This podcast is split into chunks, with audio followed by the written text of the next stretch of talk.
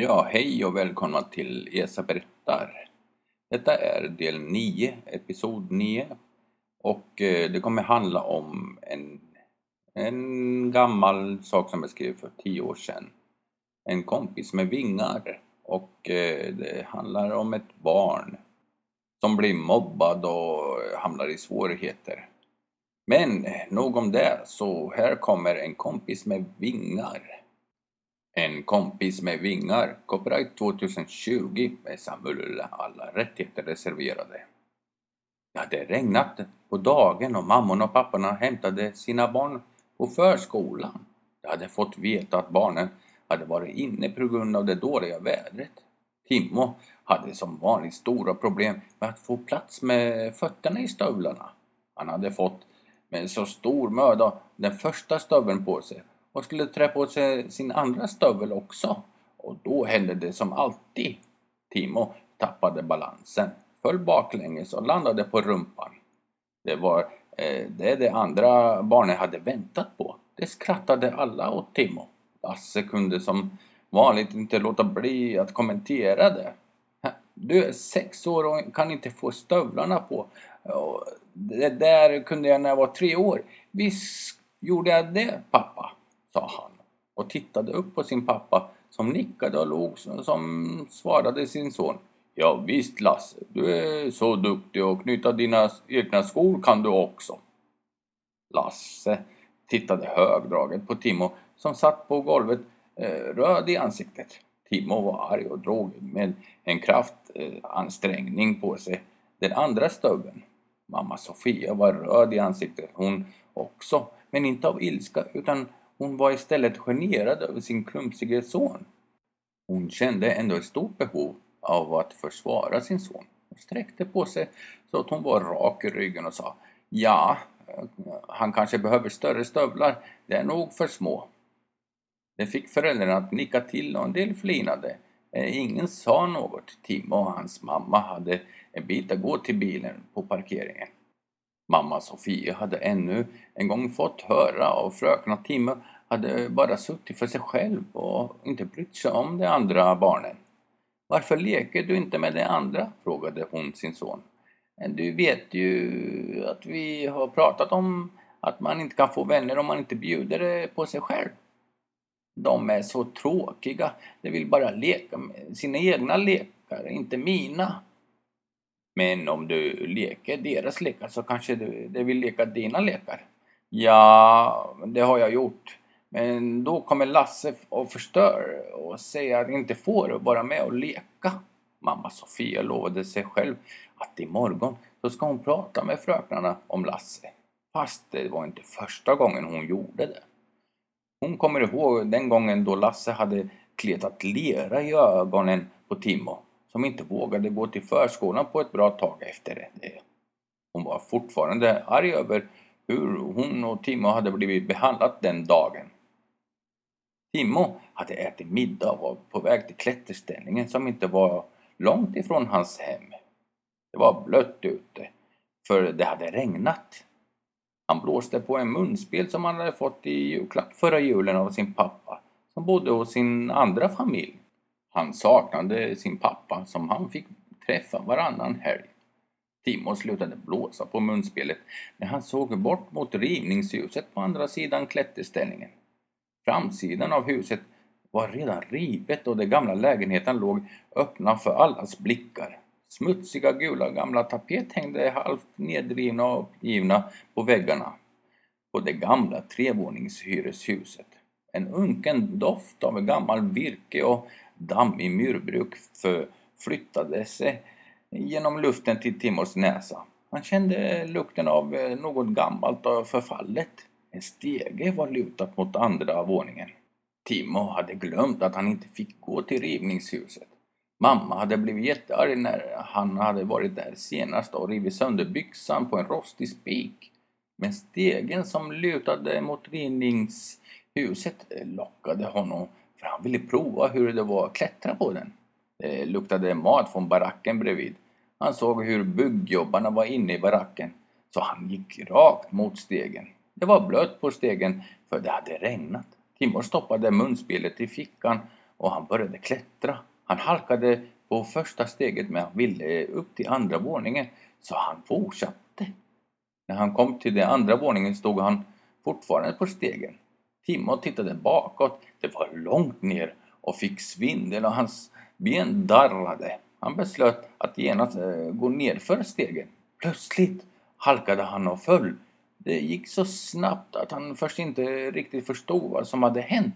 Men sedan kände han att det gjorde ont i ena benet. Och han tittade på det och såg att benet var vriden på ett onaturligt sätt bort från honom. Timo började gråta. Inifrån baracken där byggarna åt hördes det buller när stolar flyttades. Dörren på baracken öppnades snabbt och slog i barackväggen. En smäll och svärande gubbar rusade fram till Timo. Det ena av byggarbetarna slog ut med armarna och sa Jo, där ser ni gubbar, jag sa ju att knatten skulle komma tillbaks och nu får vi ju skälla av morsan hans igen, suckade han. Byggarna var snabba med att trösta Timo och ambulansen var snabbt på plats. På lasarettet hade det gipsats han brutna ben. Två månader hade gått sedan dess och gipset hade tagits bort. Timo var hos pappa Bertil under helgen och promenerade sakta på parken så att Timo inte ansträngde sig.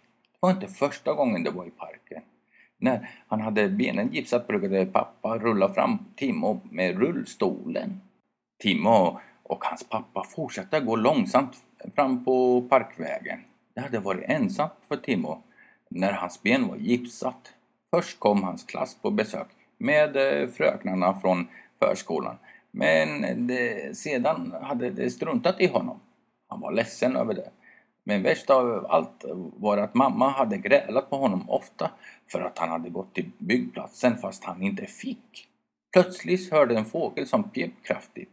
De hittade fågeln på gräset bredvid en parkbänk. Vad är det med den pappan? frågade Timo. Ja, den verkar vara skadad eh, sig på vingen, svarade Bertil sin son. Pappa, vi måste ta den till sjukhusen genast. Det tog den skadade fågeln till en veterinär som rättade till den skadade vingen och lindade om den. Timo fick ta hand om fågeln och hans lycka lyste i ögonen som det bara kan när ett barn är så där stormande glad där inga världsliga sorger lyckas finnas. Så lycklig var han.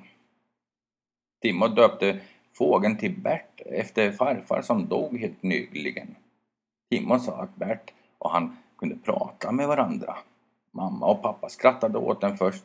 Eh, blev Timo ledsen över att mamma och pappa inte trodde på honom. Men sen strunade Timo åt eh, det för han visste att Bert förstod honom. Sen kom eh, då dagen då fågeln skulle släppas fri. Det bestämde mamma och pappa. De sa att eh, den var född fri och den måste leva som fri fågel. Timo grät när han såg den flyga bort men han visste att det var rätt att släppa den fri. Det gick inte en dag som han saknade den.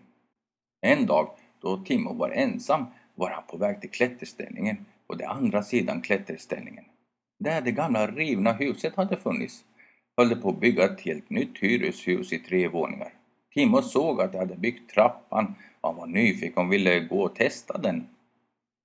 Han hade helt glömt bort att han inte fick gå dit. Just när Timo skulle kliva upp på trappan kom en fågel och flaxade vilt framför ansiktet på honom. Timo kände igen fågeln. Det var Bert. Hon förstod hur fågeln ville varna honom och nu kom han ihåg vad som hade hänt senast när han var på byggplatsen. Han blev riktigt rädd. Han tittade efter fågeln som flög till klätterställningen och han sprang efter Bert. Fågeln hade satt sig längst upp på klätterställningen. Han blev lycklig över att se honom igen och hoppades att den inte skulle flyga iväg när han klättrade upp. Fågeln var kvar och, och den hoppade upp på Timmos huvud och flaxade med vingarna så ivrig att Timmo började skratta. Han skrattade och skrattade så mycket att byggarbetarna började skratta också. Och myrorna nedanför klätterställningen kunde inte hålla sig för skratt heller. Och det var som hela världen skrattade. Timo var lycklig. Fågeln Bert blev Timos hemliga kompis och de träffades på klätterställningen. Men Timo saknade Bert på förskolan. Han ville inte alls gå dit utan att han ville vara med Bert hela dagarna på klätterställningen. En dag sa han till fågeln. Jag önskar att du skulle följa mig till skolan. Fågeln lade huvudet på sned och tittade på Timo med ögon som förstod. Nästa dag var Timo på skolgården för sig själv som han brukade vara. Timo hade spelat boll med en ny pojke i klassen och då kom Lasse och stal bollen och nu spelade Lasse bollen med den nya pojken. Timo var så arg att han hade lust att klå upp Lasse, men han vågade inte. Lasse var starkare än han. Plötsligt kände Timo att eh, någon flaxade till på kinden och Bert satte sig på hans axel. Nej men Bert, ropade Timo glatt och skrattande. Alla på gården hörde det då små som stora barn rusade fram och omringade Timo och Bert och alla skrattade och till och med Lasse gjorde det. Från den dagen var aldrig Timo ensam och fröknarna hade inga alls problem med att få barnen ut på skolgången när det regnade för alla ville hälsa på Timos kompis Bert som väntade på en vinbärsbuske ute på skolgården på Timo och alla andra barnen. Ja, då var den historien slut och jag spelade in den faktiskt direkt på podcast. För det här var den eh, nummer fem i Fem korta historier som var en bästsäljande, eller är bästsäljande på Storytel som försvinner snart. Som, ja, jag har tagit bort alla mina ljudböcker. Ja, och hoppas du gillar eh, min podcast och dela gärna med den till dina familjer och vänner för det kommer massa nya historier. Jag kommer skriva massa nya historier och kommer dela en, en del gamla ljudböcker faktiskt. Och ni kommer spara massa pengar. Så se till att dela och ja, till vänner och familjer. Och nu börjar denna podcast komma ut överallt till Apple och Stitcher och ja, Radio Public och ja. Och fattas bara Google eh, Podcast så är det ute nästan överallt. Det kommer på en små andra ställen också. Men du har säkert en favoritställe som du lyssnar på. Så ja, och denna podcast slut och ses vi på nästa del som kommer snart.